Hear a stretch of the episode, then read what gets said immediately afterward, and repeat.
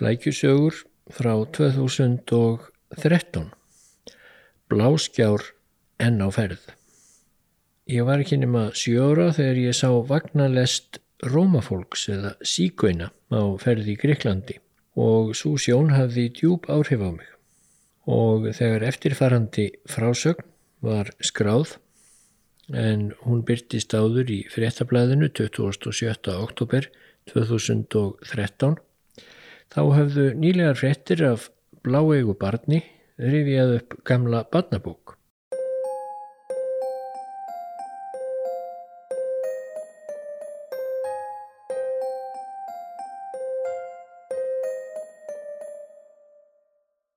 Mér er það í barsminni.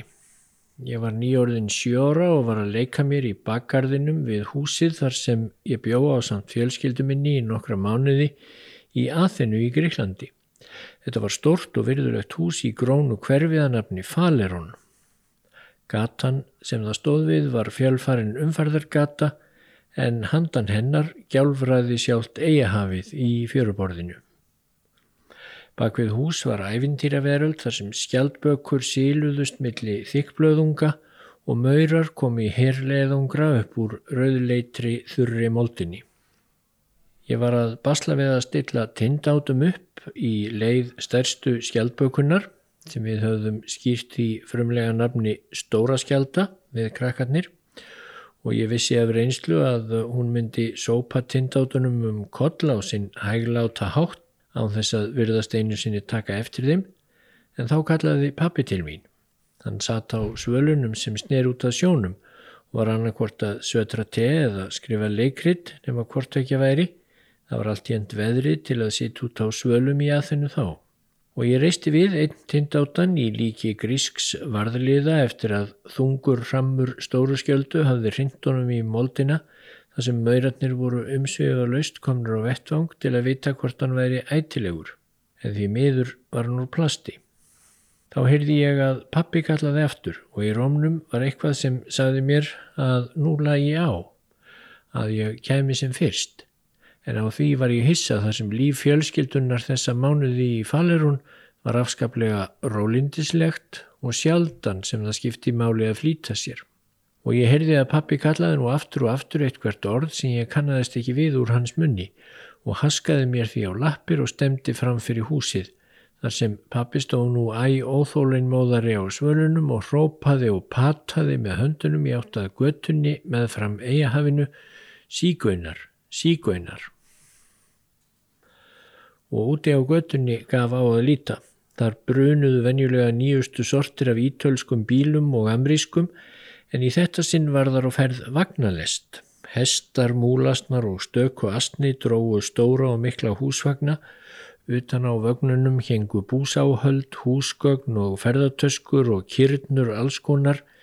Í vakstjórasætunum sátu dimleitir menn og brúnaþungir en sömstaðar gægðust fram konur öllu lítríkari og börn bísna úvinnhærið mann ég. Þau storðu út í buskan úr vögnunum og létu sem þau tæki ekki eftir því þegar við íslensku krakkarnir komum askvaðandi á eftir pappa út á gangstjett til að góna á þessa furðu. Ég hafði aldrei séð hann að eins. Þessi vagnalest myndi mig að mörguleiti á vagnalestir kvítur landneimanna í vilda vestrinu sem eh, ég hafði lesið um í bókum og séð í bíómynd en þó var eitthvað æsilegra við litina og skrautið sem virtist einkenna dót vagnbúa. Mér stætt helst í hugað indjánatnir, hefðu kannski yfirtekið vagnalest kúrekana og væri nú sjálfur á ferð með allt sitt hafurtask nema hverki bólaði að vísu á fjadraskrauti. Jú, þetta voru síkveinar saði pappi og hvatti bæði mig og sístur mína til að verða þessa löngu lest fyrir okkur. Mér fannst hún nálega endalös. Það var yfir henni einkennilega kyrð og virðuleiki eins og þessir skrautlegu en þótaldið snjáðu hestvagnar ættu heima einmitt á þessu nútímalega breyðstræti og hver ekki annar staðar og einmitt núna þrátt fyrir að allt virtist svo gamaldags við lestina og það var gífurlegt stolt fólkið í því hvernig vagnbúar neituðu að taka eftir okkur sem horðum á þá eins og nöyt á nývirki. Þeir voru á sinni eigin leið og ætlu ekki að láta neitt trubla sig, ekki fyrir ekkar en stóra skjálta þegar tindáti úr plasti var þá veginnar. Við vissum aldrei hvaða ferðalag var á síkvönunum, sem við vissum þá ekki betur en væri allrætt að kalla þá. Pappi sagði okkur að svoleiðis vissi maður aldrei um síkvæna. Þeir væru einlagt að flakka um, gætu aldrei verið kyrrir á sama stað lengi í einu. Þá gripið á einhver óeirð og þeir köstuðu fátæklegum eigum sínum upp í vagnin og held af stað út í óvissuna. Mér fannst þetta stórmerkilegt og afar öfundsvert líf á sinn hátt hjá þessum síkvænum en gæt þó ekki varist þeirri hugsun að yfir þessari löngu vagnarlest væri einhver svo lítil sorg í bland við augrandi mótróa eins og þeir væri ekki á ferð alveg sjálfviljugir heldur hefðu þeir verið reknir af stað, skipað að fara og þótt ökumennir bæru höfuðu hátt þá færu þeir þrátt fyrir allt nauðugir.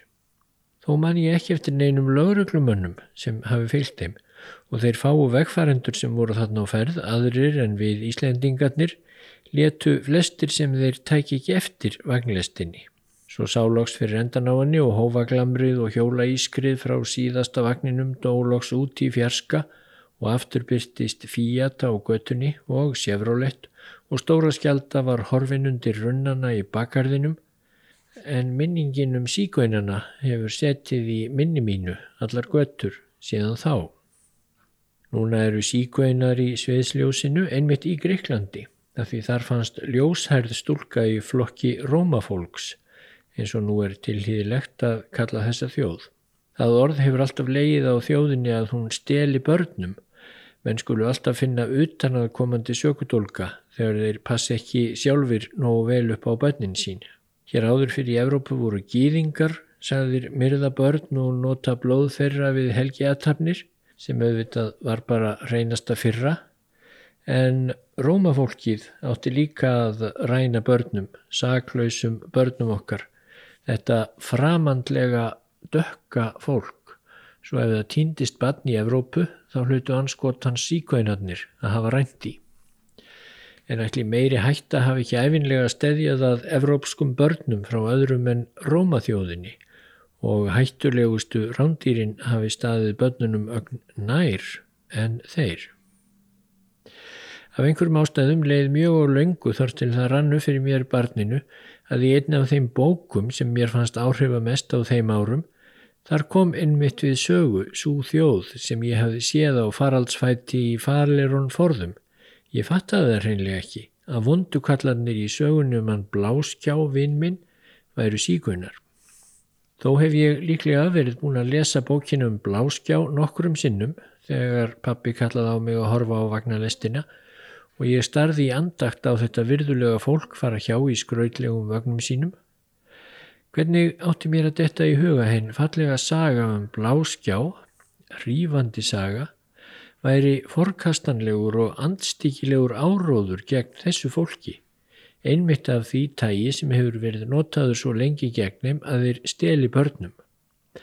Í sögunum Bláskjá hefur fallegum alþýskum og bláeigum greifasíni verið rænt og hann hýrist í dimmum helli við svo litla týru, hann þráir það eitt að sjá sólina en er inni lokaður af hörundstökkum trantara líð sem ég skildi þó ekki fyrir en setna að voru síkveinar.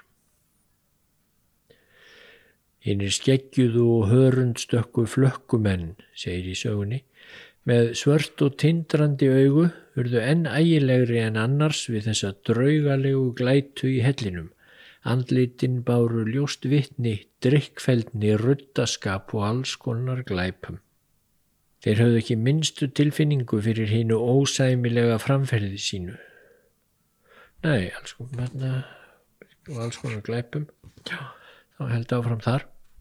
Allir þessi raumingjar höfðu frá blöytu barsbeini lifað í taumlausu svalli og stjórnleysi svo að allt gott og göfugt sem Guð hafði lagt í hjörtu þeirra var löngu yfirbugað af yllgresi syndarinnar. Þeir höfðu ekki minnstu tilfinningu fyrir hinnu ósæmilega framferði sínu, heldur rífust, hrópuð og eftu hver í kappið annan eða heldu óspart í sig áfengum drikk sem gömul kona bar á millið þeirra og rendi í ógeðslegar óreinar trekollur. En einn sér og afskektur satt lítill drengur sem ekkert skipti sér af ruttalegum gleðskap hinna Hann starði hugsandi inn í eldin og berði ekki á sér. Drengurinn var áekiska nýju til tíu ára gammal og gagn ólíkur hinnum öðrum börnum sem í hellinum voru. Hár hans var bjart og hrokkið en þeirra svart og stríðvaksið, yfirlítur hans bjartur og fingerður en þau blökk og solbrunnin. Augu hafði hann blá og blíðileg sem ímátti lesa sorg og söknuð. Já, hérna.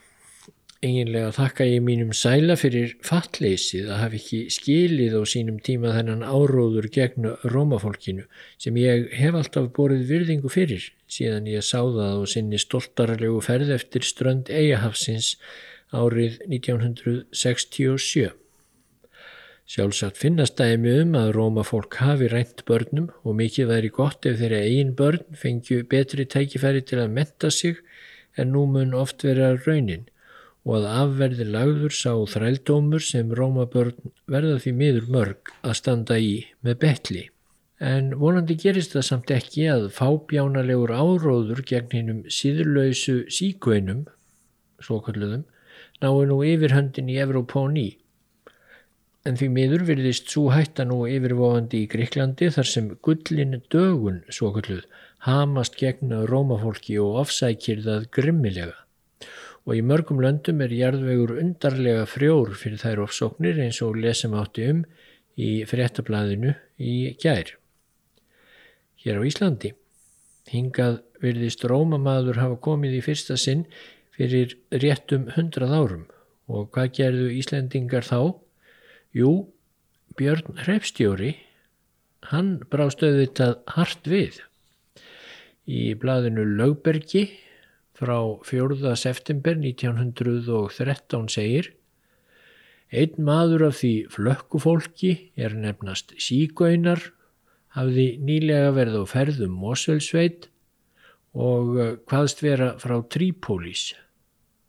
Björn Repstjóri í Gravarholti vísað honum frá sér og helt hann þá áleiðis hinga til bæjarins.